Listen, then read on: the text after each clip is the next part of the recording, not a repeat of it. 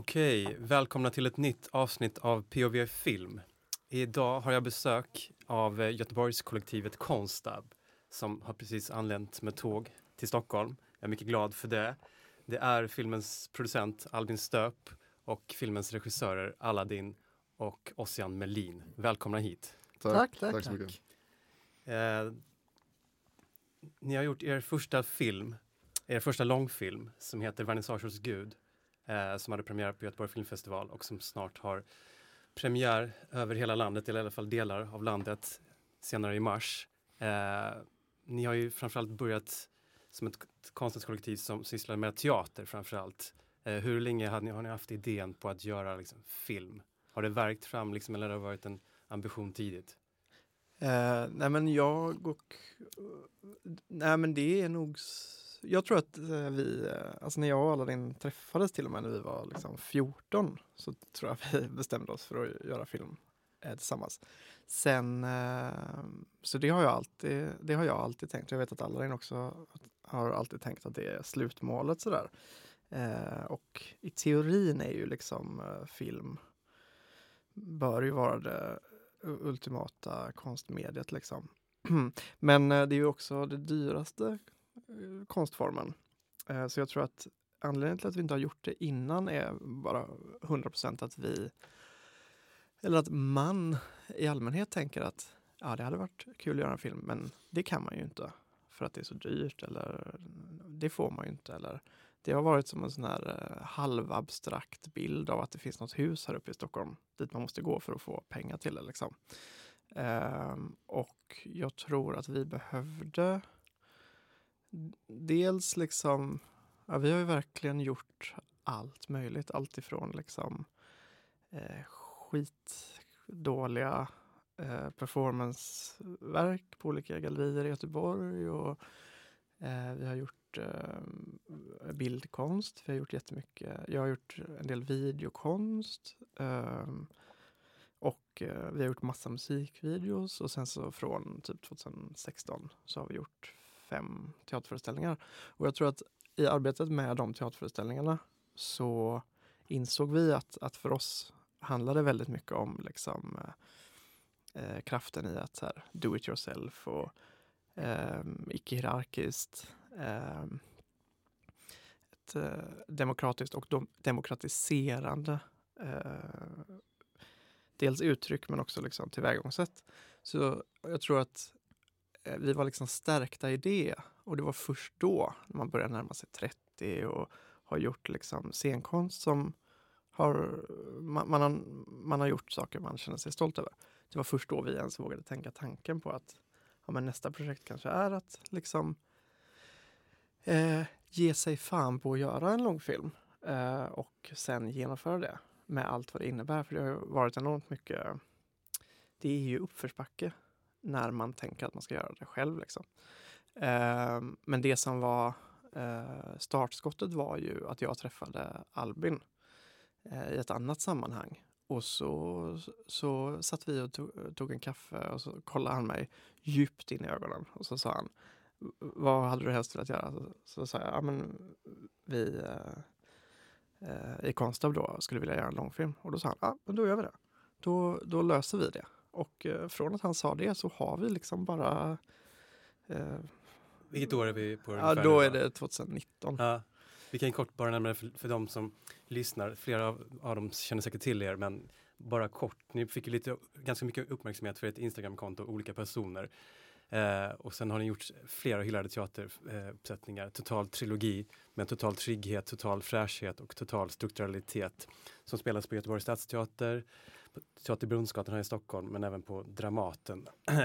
Visade ni Stormen förra året var det va? Precis. Eh, och det är väldigt många som, ni har väldigt många hängivna fans liksom, och människor som jag stöter på. Ruben Östlund har, har, har liksom varit eld och låga över er tidigt. Och jag vet när jag träffade Lisa Langset, hon har varit och sett den här stormen på Dramaten, hon tyckte att det var en stor upplevelse liksom, för det som hon upplevde där i salongen, liksom ett, ja, som ett allkonstverk, men också hur, hur publiken eh, tog emot det här, liksom, att det var liksom, en upplevelse på, på, på flera sätt. Liksom. Eh, liksom, hur, hur tänker ni liksom att ni ska få med er den här publiken liksom in, in i filmens värld? Liksom? Eller hur mycket tänker ni på publik Eh, överhuvudtaget? Liksom? Vi... Ja, det är ju lätt, det är lätt då. Det är ju snyggt att säga att man inte bryr sig om publiken. Eh, det tror jag inte stämmer. Jag tror däremot att vi tänker att ehm, Ehm, jag, jag tror att vi har gjort filmen... eh, vi, så här, vi hade från början eh, eh, bestämt oss för att göra eh, att, att, att eh, tillblivelsen av, alltså processen med filmen skulle vara på samma sätt som vi har jobbat med teaterföreställningarna. Eh, inom, inom scenkonst och teater så, där, så är det klart att man stöter på vissa så där konventioner och sätt som eh, det alltid görs på institutionsteatrar eller sådär. Eh, Eh, och då har vi haft med oss hela tiden att tänka sådär, men vänta lite nu. Måste man ha eh, första mask och kostym? Såhär, varför kan vi inte repa med kostym? Det är bara ett litet exempel. Liksom. Eh, varför kan vi inte få eh, så, bo på teatern sista veckorna innan premiär?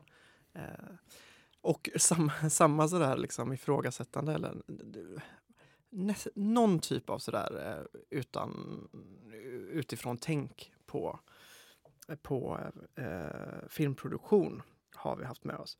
Och sen, jag menar, det är ju inte som att vi tänker att, att det är liksom att man ska få hängivna fans och sådär. Men jag tror att vi har varit lika ärliga mot oss själva eh, med den här filmen som vi har varit när vi har gjort teaterföreställningarna. Så jag tror att folk kommer eh, förhoppningsvis känna att det finns samma energi liksom, eh, och kraft. För jag menar, Gud vet att eh, ord som kvalitet eller bra och dåligt, det går liksom inte att applicera riktigt på oss. Utan det, jag tror att det handlar om energi. På samma sätt som liksom många låtar som är väldigt dåliga eh, blir ju då eh, otroligt, otroligt bra.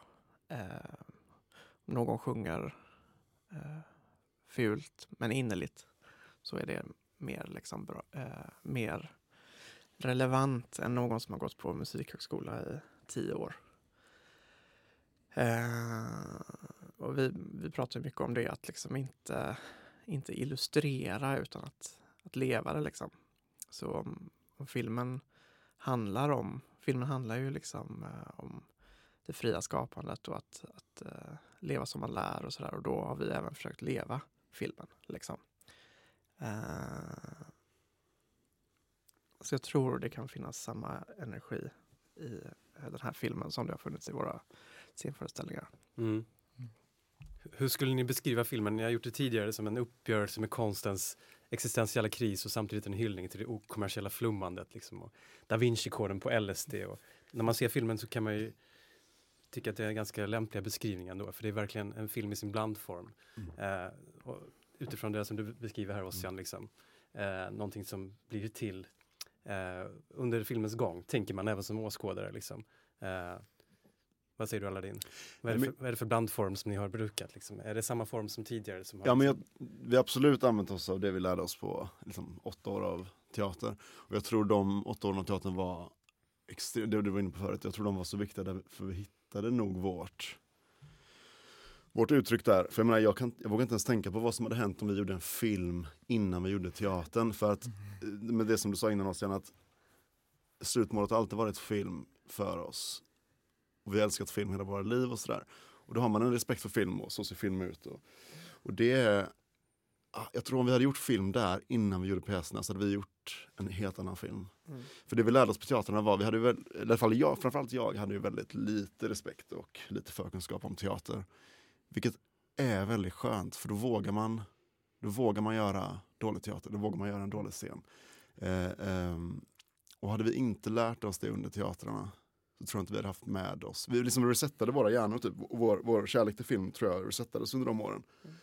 Så jag tror när vi kom in i film då hade vi med oss det där, vi också lärt oss det att det är bra och det är väldigt roligt för oss att använda oss, använda oss av den typen av eh, tänk när vi gör film. Så jag tror det var väldigt viktigt när vi gjorde, att vi gjorde teatrarna. Mm. För då, hade fil, då vågade vi komma in med det perspektivet in i film.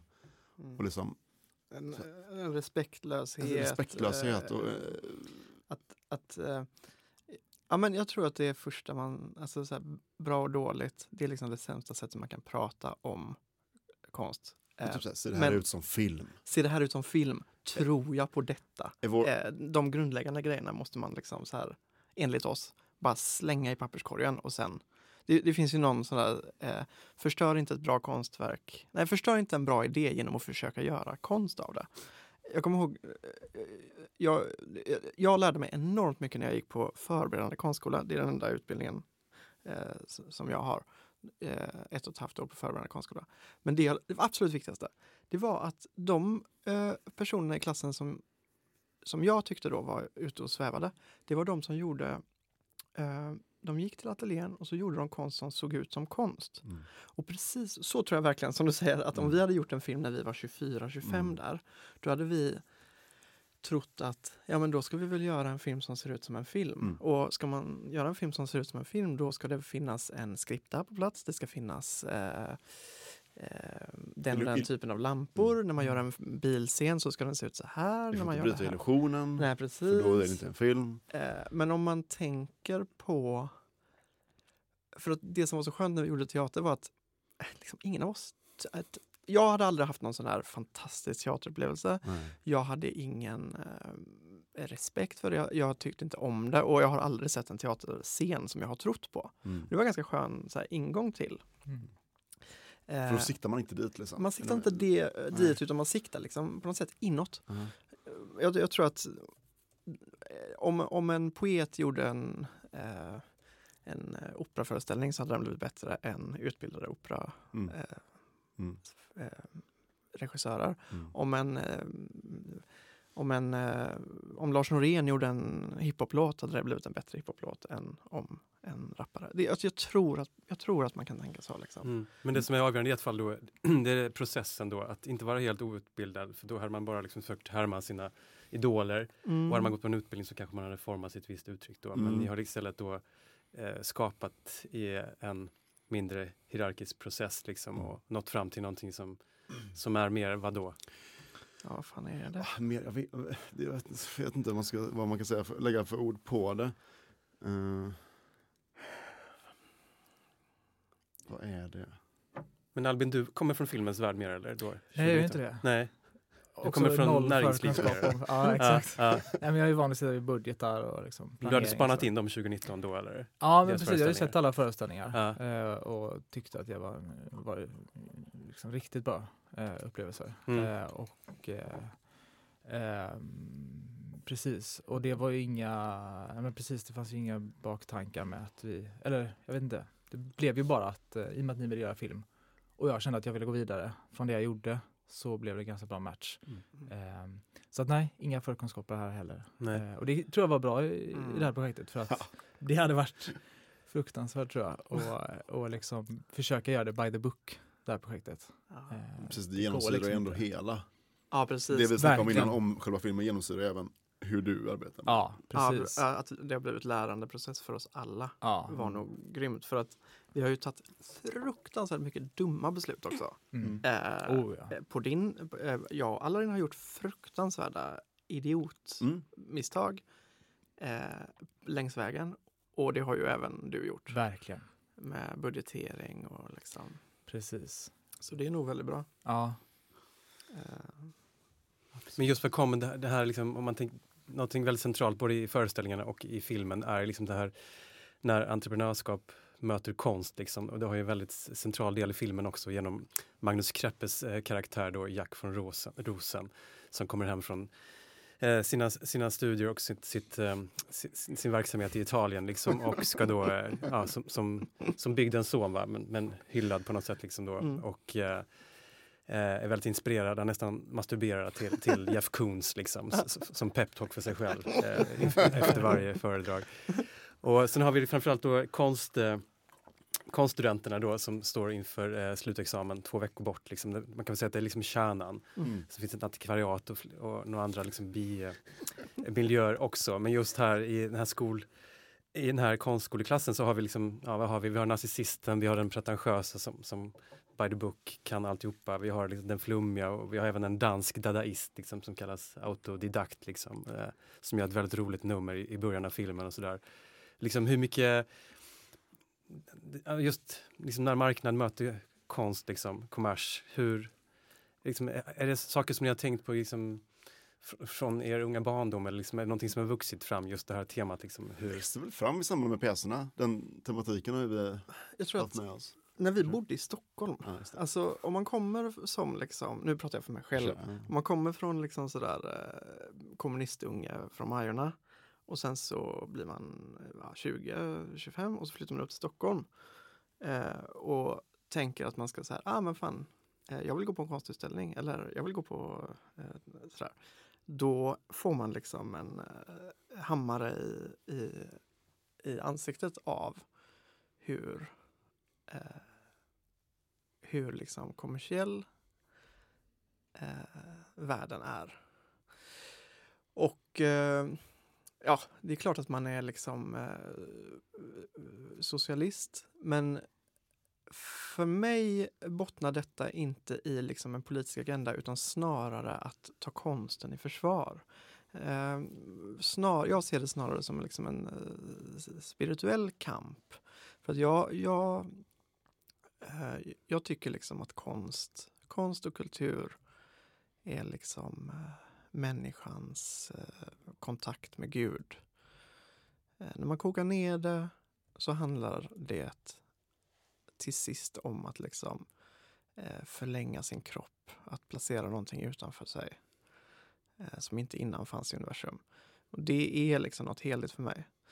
Eh, och sen så tar man det i skarp kontrast mot ett snusföretag som, eh, som sponsrar en, eh, en utställning med någon ung eh, konstnär. Liksom. Då blir det pannkaka i mitt huvud. Och jag blir, eh, jag, jag blir liksom, ja, all antifascism är ju självförsvar, sägs det. Och så, mm. så, så känner jag. Liksom. Ehm, jag tycker att det förvrider bilden. På samma sätt som typ ehm, Ja men liksom nu ska kapitalisterna inte bara ha ens, eh, ens arbetstid. De ska inte ha ens kropp, eh, kropp ens, ens eh, Fysiska. fysiska arbete. Eh, man ska inte bara vara en konsument, nu ska man också vara liksom då ens allra mest innersta tankar som kreativitet eller liksom kärlek eller skapande. Det ska också ägas. Eh, men det är väl så, alltså, jag tycker det är knäppt att inte alla eh, är ute och bränner bilar för detta. Liksom. Mm. Så känner jag. Mm. Jag tycker det är helt galet. Mm. Men ja, ja. Ehm, nej, Del- men, del, för du har ju, en- Mm. din pappa Bo Melin Mm. spelar ju en roll i filmen Mm. som jag antar att du som är inspirerad delvis av hans konstnärskap. mm, verkligen, 100 procent. Att, antar att det är en central del, liksom, att det har påverkat. Liksom. Ja, jag tror, alltså det är ju nästan pinsamt då, men jag tror nu när jag börjar bli äldre så tänker jag att, ja, för jag var ju med honom extremt mycket. Eh, han var ju liksom, eh, jag eh, var ju med i hans, ja men det blir la så med konstnärer. Alltså han, Han är ju då karaktären i filmen som, Mm. som får liksom total panik, liksom nästan frossar när Ja. Magnus Kreppers eh, uppburne konstnär liksom håller sina föredrag. Han, han, han blir för skakningar nästan Ah, eller- eh, och kan inte hantera det. Nej, precis. Precis. Nej, men det, absolut. Det är, han, eh, jag tror att min farsas eh, konstsyn eh, har påverkat väldigt mycket. Mm. Det som vi gör. Liksom. Eh, och det är återigen det här, det är liksom det är, ett, eh, det är förhållningssättet till konsten som är verket. Liksom. Eh, det, är- det, är, det är liksom vilket förhållningssätt man har till arbetet, Mm. till sitt liv.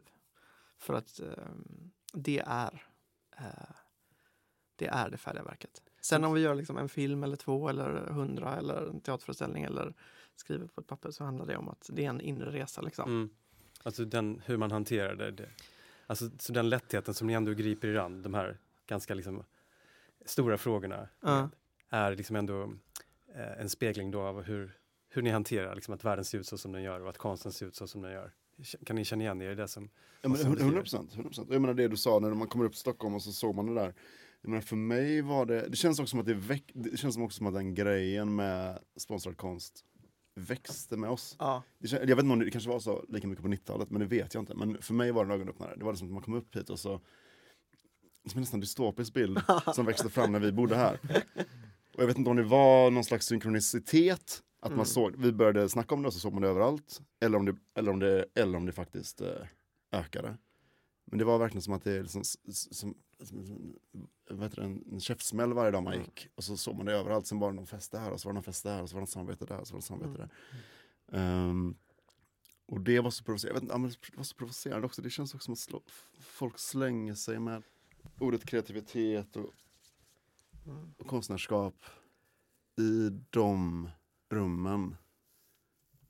Så känns det provocerande, tycker jag. Det är någon, Mm. det är någon, någon, någon, man gör det med vänsterhanden och kunna... som att det ska vara ja. lätt och som att det... Och så kämpar man själv och så, nej, jag vet inte, det blir lite... Men det är också att det ska kvantifi- kvantifieras liksom. Ehm, lönsamhet, eh, öka med produktivitet, eller med, med kreativitet. Ökar du Mm. din kreativitet med 30% så kan du se en, en 12-procentig ökning av eh, lönsamhet inom en tvåårsperiod. Ökar du däremot din kreativitet med 70% då Vad kommer- är alltså, det? liksom, det- Vadå- det är vadå bara- det- det- öka din kreativitet? Eh, så det tror Men det är ju, vi lever ju i en värld nu när man ska liksom kunna mäta allting. Ja. Eh, men allt det här liksom, eh, eh, allt det som inte går att sätta ord på, flummandet liksom, det får mindre och mindre plats. Mm. Eh, det, det riktningslösa, det, det, som inte, Går att mäta. det som inte går att mäta, det som inte kommer resultera i någonting, det som inte går, alltså på ett sätt så hade ju det mest ärliga vi kunnat göra var ju att inte göra klart filmen. Mm. Eh, så även vi har ju liksom Som ett starkare statement på ett Ja, sätt. på ett sätt. Ja. Ja. För att jag menar, även vi är ju sådär, åh, nu måste åh, fan, de och de måste se filmen så att vi nästa gång kan lättare få tillgång till att hyra den. eh, Ja, ja, precis. Mm. Mm. Ja, nu är det jättebra nu. Så. Och, och det är ju så, det är ju så jävla svårt att leva efter, eh, efter liksom eh, sina ideal. Ja, det är, det är hårt för, för konstnärer i, i Men det blir ändå som, det uttrycket som ni når fram till, det blir ju ändå som en självbevarelsedrift, alltså för att man, vill, för att man hanterar det samhället som är, det vill säga det mätbara samhället Ja. liksom, och den här otroliga liksom, marknadslingon ja. kring kreativitet och sådär som existerar. Jag, vet, jag tror att det var du som sa någonstans att vår publik är ju creddiga hipsters, liksom reklamare. Jag vet inte riktigt vad de gör hos oss, de är inte intresserade av kultur, jag vill inte ha deras bekräftelse. Ja, men det stämmer ju, men samtidigt är man glad att de är där. För det finns ju det som Ossian sa där, man är ju, man, man är ju så, man är ett offer också liksom. Mm. Går runt där och bara så här, åh det är så, det är så slut. Så är Mm. man ju, det är ju en ambivalens där, man är ju tacksam att folk är där och ens vill kolla på skiten. Mm. Men sen finns det ett frakt också. Mm. Mm. Mm. Ja, det är komplicerat. Ja, jag vet, ja, precis, det är svårt.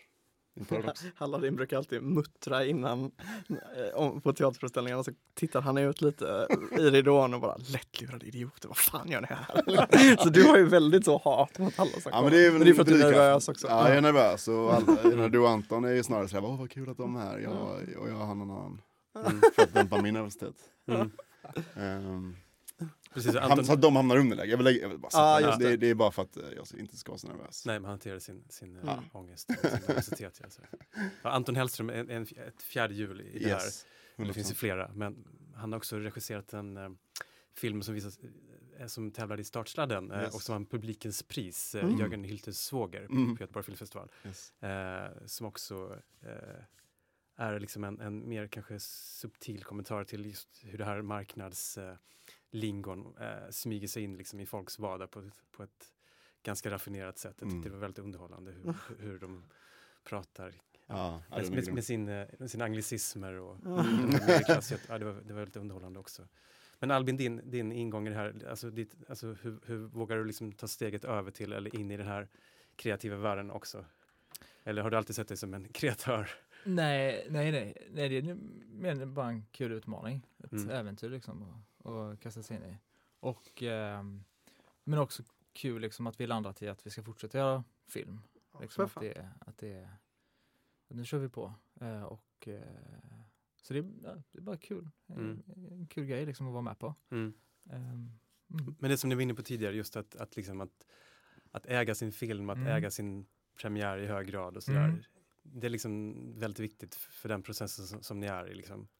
Det blir som ett Verkligen. Eh, precis, det var ju till exempel därför vi inte eh, med den här filmen ens försökte söka pengar från någon eh, liksom regional filmfond eller sådär där, där det blir ett delägarskap i filmen. Just för att vi, ja men delvis hade det inte gått med all den liksom eh, rapportering och liksom avtal och, och liksom att saker ska gå rätt till. För det, Mm. eh, det, det, det, det har inte den här liksom, första filmen eh, kunnat uppfylla. Och, och, men också liksom bara ingen annan ska kunna vara i närheten av en final, final cut. Eller liksom Nej, sånt du har varit... Du har inte haft det lätt. du, nej, men du har också varit, fan, det får man ändå säga, du har varit underbar med det. Kul. Du har ju varit så bara vattentäta skott mellan Excel-arken och sen så har du alltid sagt bara så här, jag vill inte att ni blir påverkade av det här överhuvudtaget, utan gör vad ni vill, gör vad ni vill, gör vad ni vill. Mm. Eh, och det har ju faktiskt varit dröm, otroligt att du, eh, att vi hittar varandra. en drömproducent. Ja, verkligen. Mm. Ja, bra. 100%.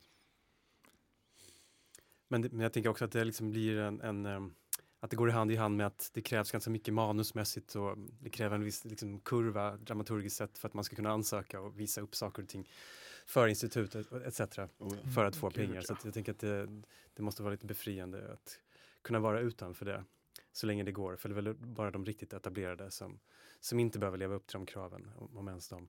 Mm. Men jag vill bara Mm. kort citera, eller eh, Eh, Mikaela Blomqvist skrev i Göteborgs-Posten om Total fräschhet 2019 att eh, teaterföreställningen då, berättelsen utvecklar sig cirkulärt snarare än linjärt och förlitar sig mer på suggestion än på förklaringar. De inbördes ofta oberoende scenerna följer på varandra närmast associativt och drömartat. Istället för att på postdramatiskt vis bryta illusionen, vilket idag är mer regel än undantag i en pjäs, arbetar total fräschhet med lager på lager av illusion tills fiktionen faller samman just genom de många upprepningar, omtagningar och varvningarna av samma repliker och teman. Eh, och jag måste säga att utan att ha sett den här pjäsen så är det mycket som går igen i, eh, i, i filmen. Mm. Eh, är det liksom er, den processen, känner ni igen? Alltså jag tycker hon formulerade enormt bra. Jag tycker hon är sätter, sätter ord Mm. på någonting som... Som man inte ens själv kan sätta Nej. ord på. Jag, det enda jag vet är att jag har läst typ så här förordet till en bok med någon amerikan som skulle skriva om Tarkovsky. För, och då var det liksom en enorm aha-upplevelse för mig eh, att bara behandla varje scenbyte associativt. En sån enkel, liksom, eh, en sån enkel aha-upplevelse. Eh, som, som liksom har eh, likt en prisma gått an i allt Mm. eh, när jag tänker. Eh, jag upplever också att när vi, när vi jobbar med teater eller med film så här att alla diskussioner som grundar sig i logik, eh, de kan vara jätte, det, det kan vara väl, all, välmening eller liksom sådär, men så fort man pratar logik så stänger man in sig själv och så liksom plötsligt blir man bakbunden. Att det är liksom ett dåligt sätt. Jag tror fan inte det är f- eh, förenligt överhuvudtaget att ens prata på ett logiskt sätt. Då är det mycket bättre att prata på ett associativt sätt. Och när man pratar på ett associativt sätt, eller när man resonerar, om vi resonerar huruvida eh, vi ska klippa där eller gå över till det eller säga det eller sådär. Att liksom... För då behöver Aladdin bara säga, nej jag tycker inte det. Och då har jag inte så mycket, då kan inte jag sitta så här. Jo men borde inte han säga det? Han är ju väldigt arg där. Utan om man bara är liksom...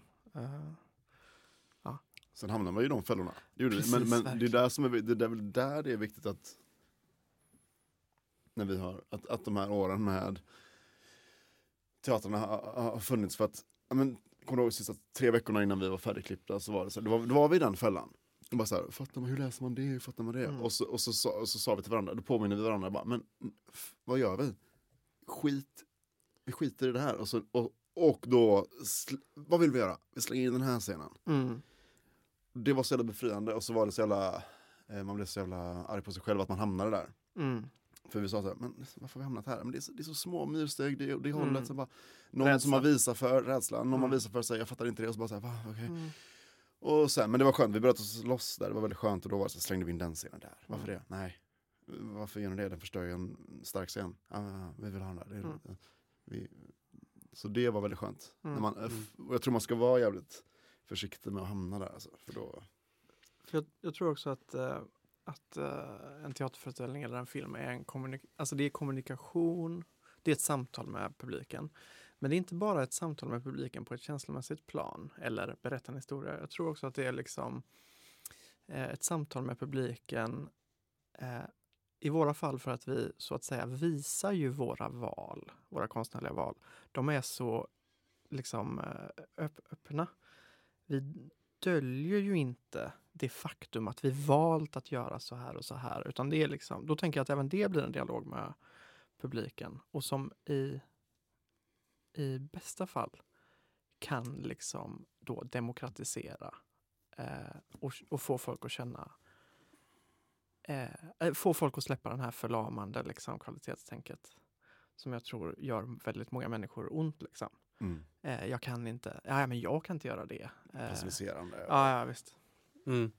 Eh, Men är det inte, är det inte liksom läskigare ändå att kastas ut för en i filmens värld när man inte direkt känner sin publik ändå på en teater. Men kan du vara främmandegörande men någonting som är främmandegörande på teatern är ju också liksom någonting som berättar om att nu är vi här på teatern. Det är Mm. någonting som bjuder in ju. mm. Så att när man tänker på det brechti- brechtianska så är inte det bara någonting som Nej. distanserar utan det är också någonting som skapar Mm. en kontakt. Mm. Liksom. Mm. Och eh, om man har liknande grepp inom filmen så kan man inte riktigt veta hur det landar ändå. Eh, förstår du vad jag menar? Alltså, har ni- Precis, ja. Eh, eh, abs- absolut. Eh, och jag tror att vi inte ens tänkte på det. Jag var liksom inte förberedd på att till exempel nu häromdagen när vi visade den på filmfestivalen så, gick, så rullade den på Hagavion Mm. fastän vi inte var där. Det var första gången vi har varit med om att någon ser någon konst som vi har Mm. gjort överhuvudtaget när man inte är med. Och ser Reproduktion. Ja, Ja. precis. Eh, så jag tror att vi hade inte, jag tror inte vi liksom eh, hade visualiserat det. Att den, sen har jag inte heller visualiserat att det människor skulle se den här filmen som inte har någon förkunskap om oss, vilket är jävligt eh, klantigt. Eh, å andra sidan så är ju första 30 minuterna av filmen ganska så pedagogisk och inbjudande. Liksom. Och det har vi väl tänkt på. Att liksom, det är ingen idé att börja spela fri jazz första 30 utan vi, vi bjuder in liksom publiken och sen så får det sådär liksom lagren luckra upp allt eftersom filmen fortskrider.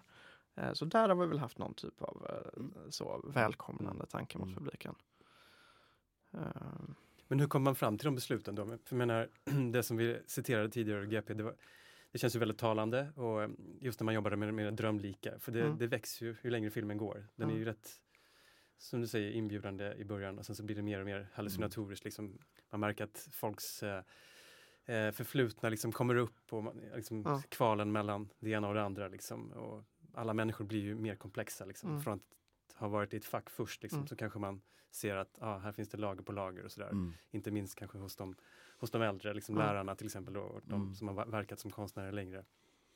Eh, och när man, liksom, när man gör en mer konventionell film, liksom, då tänker man så här, ja, man är flera stycken, och vad, är, vad, är, det som är logiskt, vad är det som är Mm. förutsägbart? Liksom. Och här gäller det liksom då att ja, man ska associera, man ska liksom drömma sig fram till någonting nytt. Men det måste ju ändå ha, det är ändå ett beslut man tar. Man, man måste ju ändå, man kan inte bara kasta in vad som helst, för ni har ju ändå övervägt, liksom, ni ska ha det här eller ha det här. Mm. Mm. Eh, är, är det liksom svårt att enas kring någonting som blir mer personligt, mer associativt? Liksom, Det, också, det, det har ju varit väldigt mycket, jag, jag tror vi har lärt oss att lita på slumpen väldigt mycket. Mm. Som gör, och, och det har ju också, det, det är ju visst det kräver ju en självsäkerhet som vi har liksom byggt upp. Men jag tror det är en balans mellan, vi ska inte sitta här och säga att vi inte tänker logiskt, det är klart man gör det. Mm. Eh, men jag tror det är en väldigt bra balans att ha det. Ha balansen mellan logik och slump och så. Och det är väldigt svårt att snacka om vad det är som gör att man kan ta det beslutet. Men det är väl liksom 15 år av att vi har jobbat tillsammans, Ja, det är 15 det. år av att vi har eh, byggt upp ett självförtroende och när man sådär vågar lita på slumpen. Mm. Mm. Så jag tror slumpen är eh, ett väldigt bra material, som Ja. man säger i filmen. Men Slump och magkänsla. ja, och det är svårt att sätta fingret på vad det är. Men jag vet inte. Det om du... Ja, men, äh, nej, nej, men alltså, Alltså- det är ju, dels är det ju när, vi, när du och jag diskuterar så är vi ju så, så pass sammanvuxna så det är nästan att vi tycker nästan alltid samma. Alltså 98 procent av tiden tycker vi samma. Och då behöver inte vi hålla på. Eh, Jag tycker snarare så här, när vi börjar tjafsa om något är bra eller dåligt, Mm. då betyder det förmodligen att det är dåligt. Så, så, så, Ja, just det. för Mm. att då är det någonting som ska vara. Eh, men mm, ja, men jag tror också så här liksom, man kan inte motivera, alltså man eh, skriver en, eller man spelar musik och så kommer refrängen. antingen så svänger det eller så svänger det inte. Mm. Och då kan de liksom såna här eh, musikvetare tänka, ja men det är för att det är en F-dur, klang, kvint. Men jag menar det går inte att prata så. Däremot så är det ju så att på grund av att film kostar så mycket pengar och det finns också liksom hundra år av såna här vetare och sådär. Då har folk försökt liksom eh, göra det mätbart och sådär. Men om man, om man inte tror på att det liksom kan finnas någonting som inte går att mäta. Eh, är Gudfadern bra för att eh, eh Michael vid 27 minuter bestämmer sig för det? Alltså det är jag, jag tror inte det. Jag tror att det är någon typ av liksom, eh, något metafysiskt som spelar in att den är så bra. Eh, och även om jag inte intellektuellt hade trott det så hade jag nästan behövt eh, övertyga mig om det. För att annars så är ju eh, filmkonsten bara ett mattetal som ska lösas. Eh, Ja, det finns ju massa filmer som har samma kurva, Ja, samma karaktär. exakt. Men, som är helt värdelösa. så det kan inte vara facit liksom. Nej, det kan ju inte finnas ett Nej. facit. Men ni har en ganska sta- starkt förhållande till filmen. För att ni behandlar ju det i hög grad även i- tidigt i teaterpjäserna. Att ni, att, att ni gör satir över eh, kända filmscener i, svensk film och sådär. Mm. Tommy Berggren travesterar ni Mm. Bergman så som min spegel och Mm. massa olika filmexempel. Mm. Eh, det, är inte, det är mycket referenser i filmen också men det är inte lika mycket direkta Nej. eh, spoofs. Liksom, Nej, sådär. just det.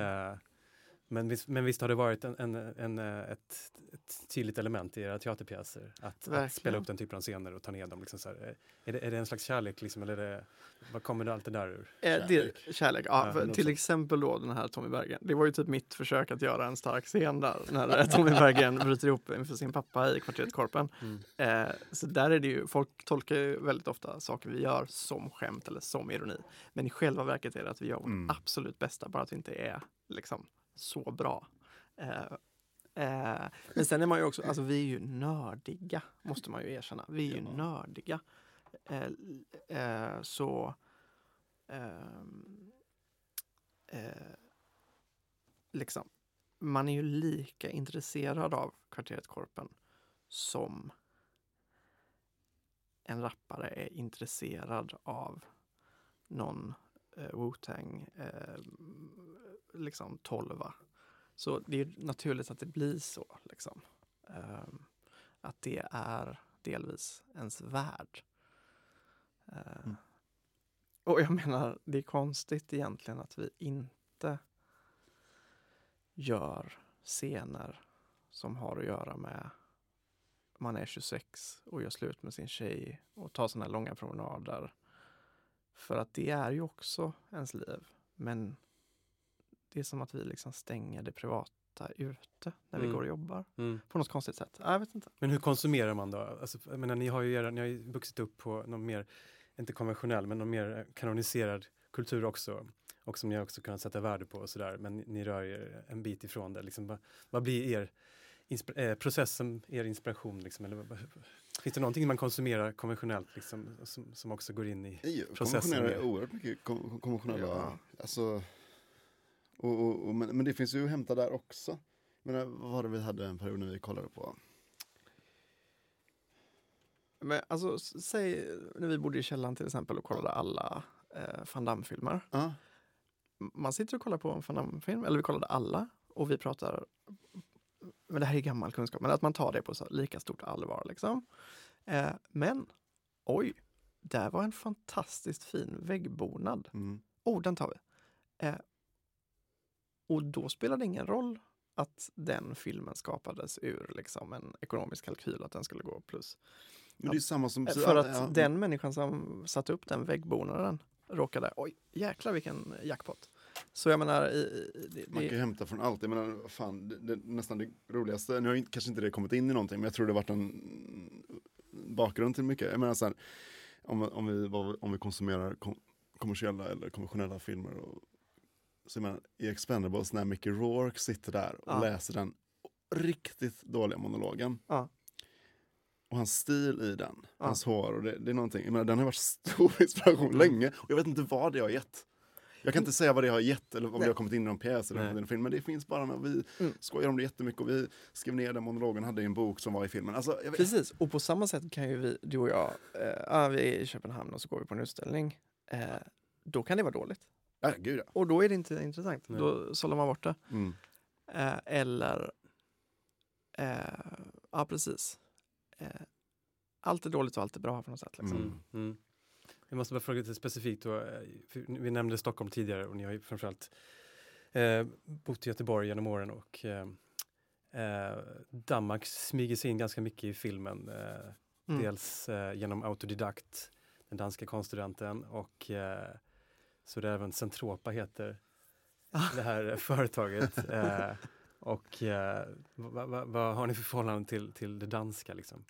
Han dör alltså också där, och vid ett tillfälle så tror jag att repliken är liksom att han eh, efter, att han, efter att den här danska studenten har röjts ur vägen Mm. så, är, så är det nå- Magnus Kreppes karaktär som säger ja men ring Kalle Boman så får Mm. han städa upp det här. Mm. Liksom. Kan ni förklara för de som inte vet? Nej men det, det, det referens, självrefererande också till film, alltså just med Kalle Boman är det ju, han är ju en legend inom film. Men jag menar det danska, jag vet inte vad födelsedagen för att vi såg pushen när vi var små. Och så, Ja. Alltså det, Mm. det började där. Nej, men det är en, specifikt? en dröm, också något så här det närmaste vi i Norden kommer till. Ja men säg att liksom, om man tänker en sponsrad eh, kl- klädesaffär i, på Stureplan som en, ens kompis har gjort, så man är där och pratar med någon DJ. Om man, den, alltså den raka motsatsen till det tänker jag är Christiania typ. Så Christiania har blivit för mig som någon typ av sådär eh, eh, hypotetiskt paradis. Eh, att det skulle liksom vara bilden eh, av eh, det här liksom lite riktningslösa. Eh, och det finns också väldigt, väldigt, väldigt roligt med att prata om att prata om att bygga liksom ett alternativt samhälle fast egentligen vill man bara dra cash. Eh, det finns någonting roligt. Mm. Men, men alltså sen är ju ganska roligt också. Mm. Det är roligt att de är så, eh, Mm. så buffliga och så självgoda. Och, eh, men de är lyckliga också. Ja, jag vet inte. Men Mm. Danmark är liksom en bild av någonting som inte är Sverige tror jag. Om man liksom... Nej men det är intressant, jag har märkt att det är vanligare just i Göteborgs film än övrig svensk film, liksom att man refererar. Johannes Nyholm gör det ofta och sådär. Ah, Mm. Flera, jag har sett, men det behöver inte betyda så mycket. Men däremot Kalle Boman, har ni också haft hjälp av honom eller? Eh, Albin har väl mm, pumpat honom på lite information. Ja, ja, men lite små, små goda råd längs Mm. vägen, absolut. Mm. Ehm, absolut, men det är nog inte därför han är med i filmen. Det är ju för Nej. att ni... Han var ju med i pjäsen. Men det är roligt att han är sån jävla upphöjd uh,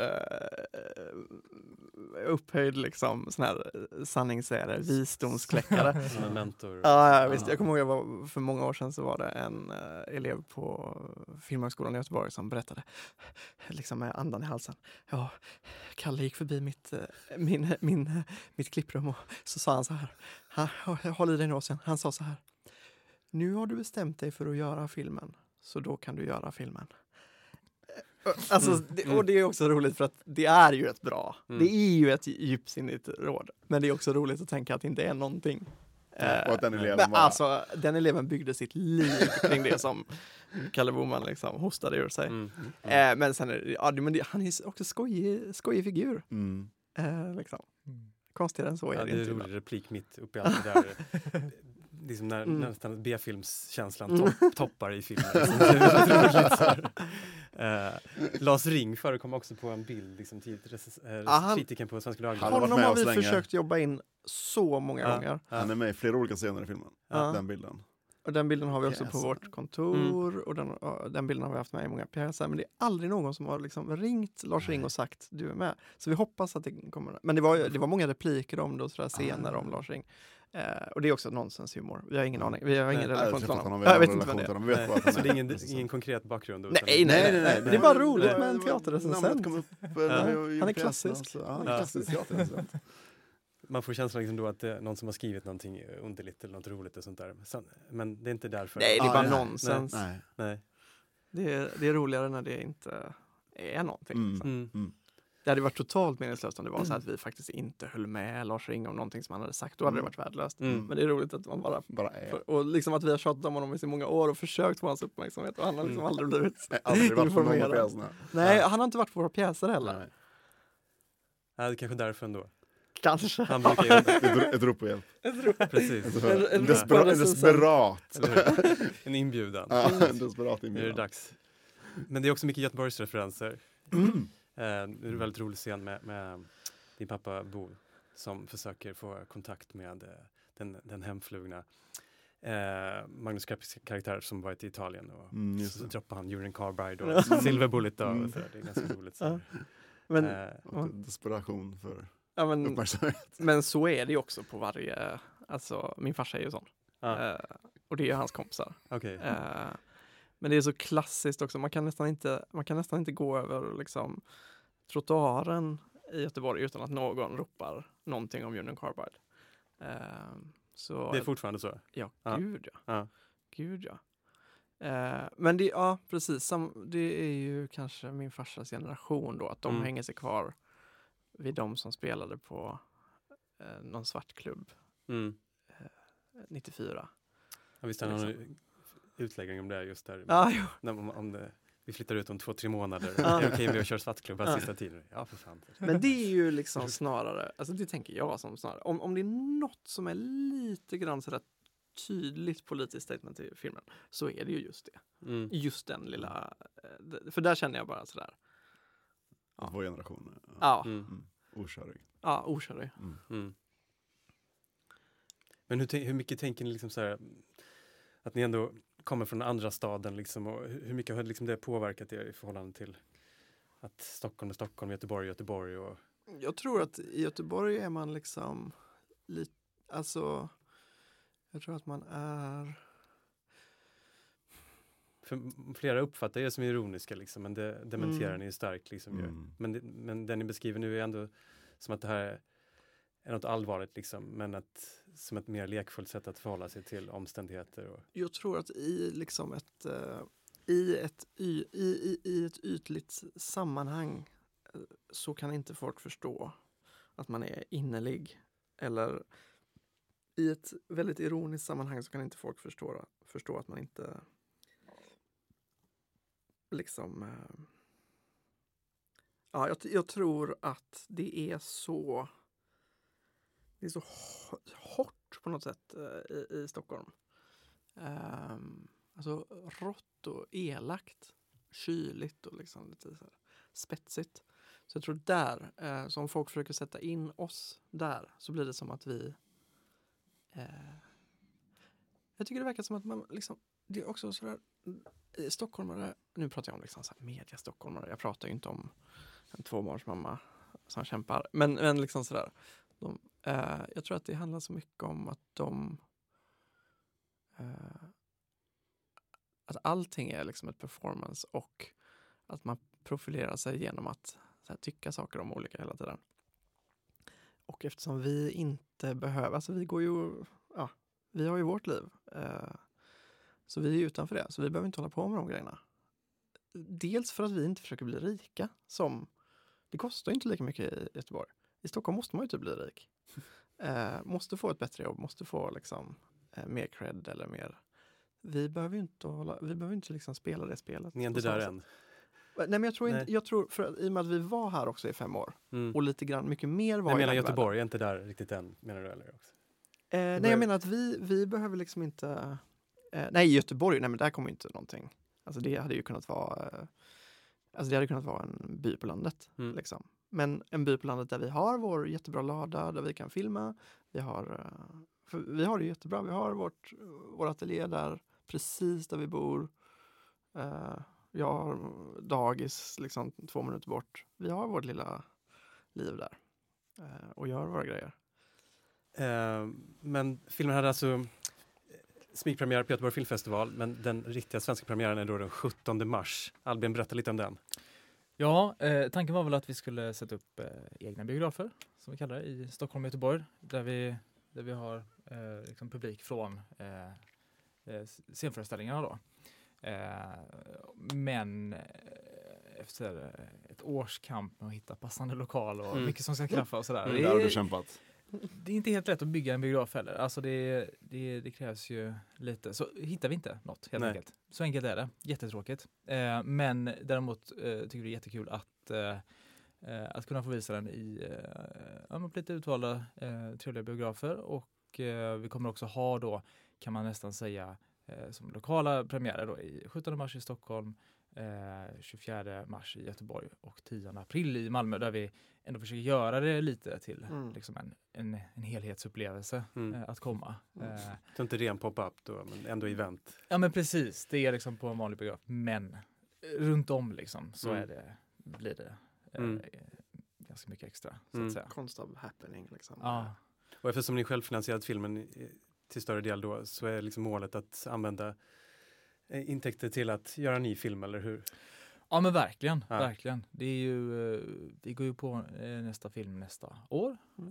eh, och eh, till det behövs ju pengar såklart. Så att eh, det är trevligt om det trillar in lite eh, då, via, Ja. på de här sätten. Men, eh, men herregud, vi vill ju bara att, eh, ja, det är kul att visa, visa filmen liksom och det är väl det som är det, det viktigaste. Och att det blir, att man ser den på bio, för den såklart är bäst där. Och Mm. att det är, eh, att man har möjlighet i alla fall att, att eh, komma till någon av de här eh, liksom, lokala premiärerna och ändå uppleva eh, konst av Ja, för då vill extra. ni väl vara där och känna in Mm. och, och prata med folk. För att det är väl ändå en del av processen också, tänker jag. Gud, Mm. ja. Absolut. Gud, ja. Absolut. För tänker ni liksom att era pjäser och era filmer kommer se snarlika ut i framtiden? Liksom, eller hur, hur tänker man? Ja, det är intressant. Alltså, det är jävligt intressant för att ja, vi har lite olika diskussioner där. En tanke är ju att, eh, men vad fan, det vet man ju ingenting om. Och man kan sätta upp massa mål för sig själv, men så blir Mm, nej, alltså. Man gör ju det man gör, man har inte så mycket kontroll över vad det är man gör. Jag tycker det är svårt att ta ett beslut kring vad man ska göra. Men en sak, alltså det har varit så jävla kämpigt att få ihop den här filmen. Så kanske om 20 år så kanske liksom filmerna långsamt går mot mer konventionella filmer. Eller åtminstone processen, tänker jag, kommer bli mer konventionell. Medans då, blir, då får man ju en jävla lust att göra helt eh, ursinniga eh, scenkonst eller liksom Mm. så här bildkonst. eh, Fi- grejer. Filmkonsten är ju så jävla, så jävla begränsad konstform. Det är väldigt svårt att är, när man ser på filmen så är det ju verkligen bara pixlar på en skärm Mm. eller ljus från en projektor.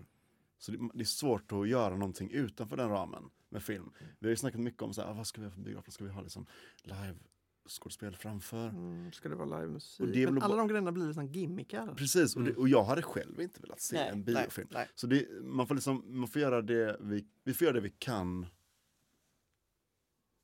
innan, alltså innanför den kvadraten som är, rektangeln som är film.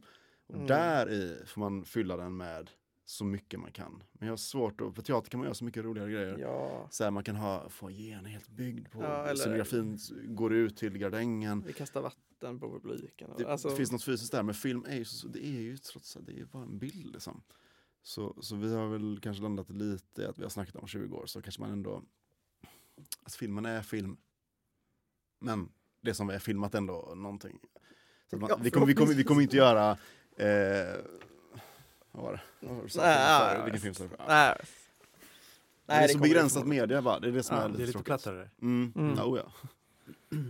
Men vi kommer få se fler filmer framöver också. Ja, gud Ah, ja. nej, det- Mm. Det kör vi med. Mm. Vad, när ska nästa? Var tredje år. Ja, nästa blir färdig 2026 då, eller premiär 2026. Det är så långt. Nej, så här lång tid som den här har tagit så får det inte bli igen. Utan vi vill öka. Vi vill öka. Precis. Det gäller alltså vernissage hos Gud, eh, som verkligen är någonting utöver det vanliga också. Eh, jag rekommenderar er alla att, att gå och se den, ni som har möjlighet. Och jag säger tack till er, eh, Albin Stöp, Ossian Melin och Aladdin för att ni kom hit idag. Tack så mycket. Tack. Tack.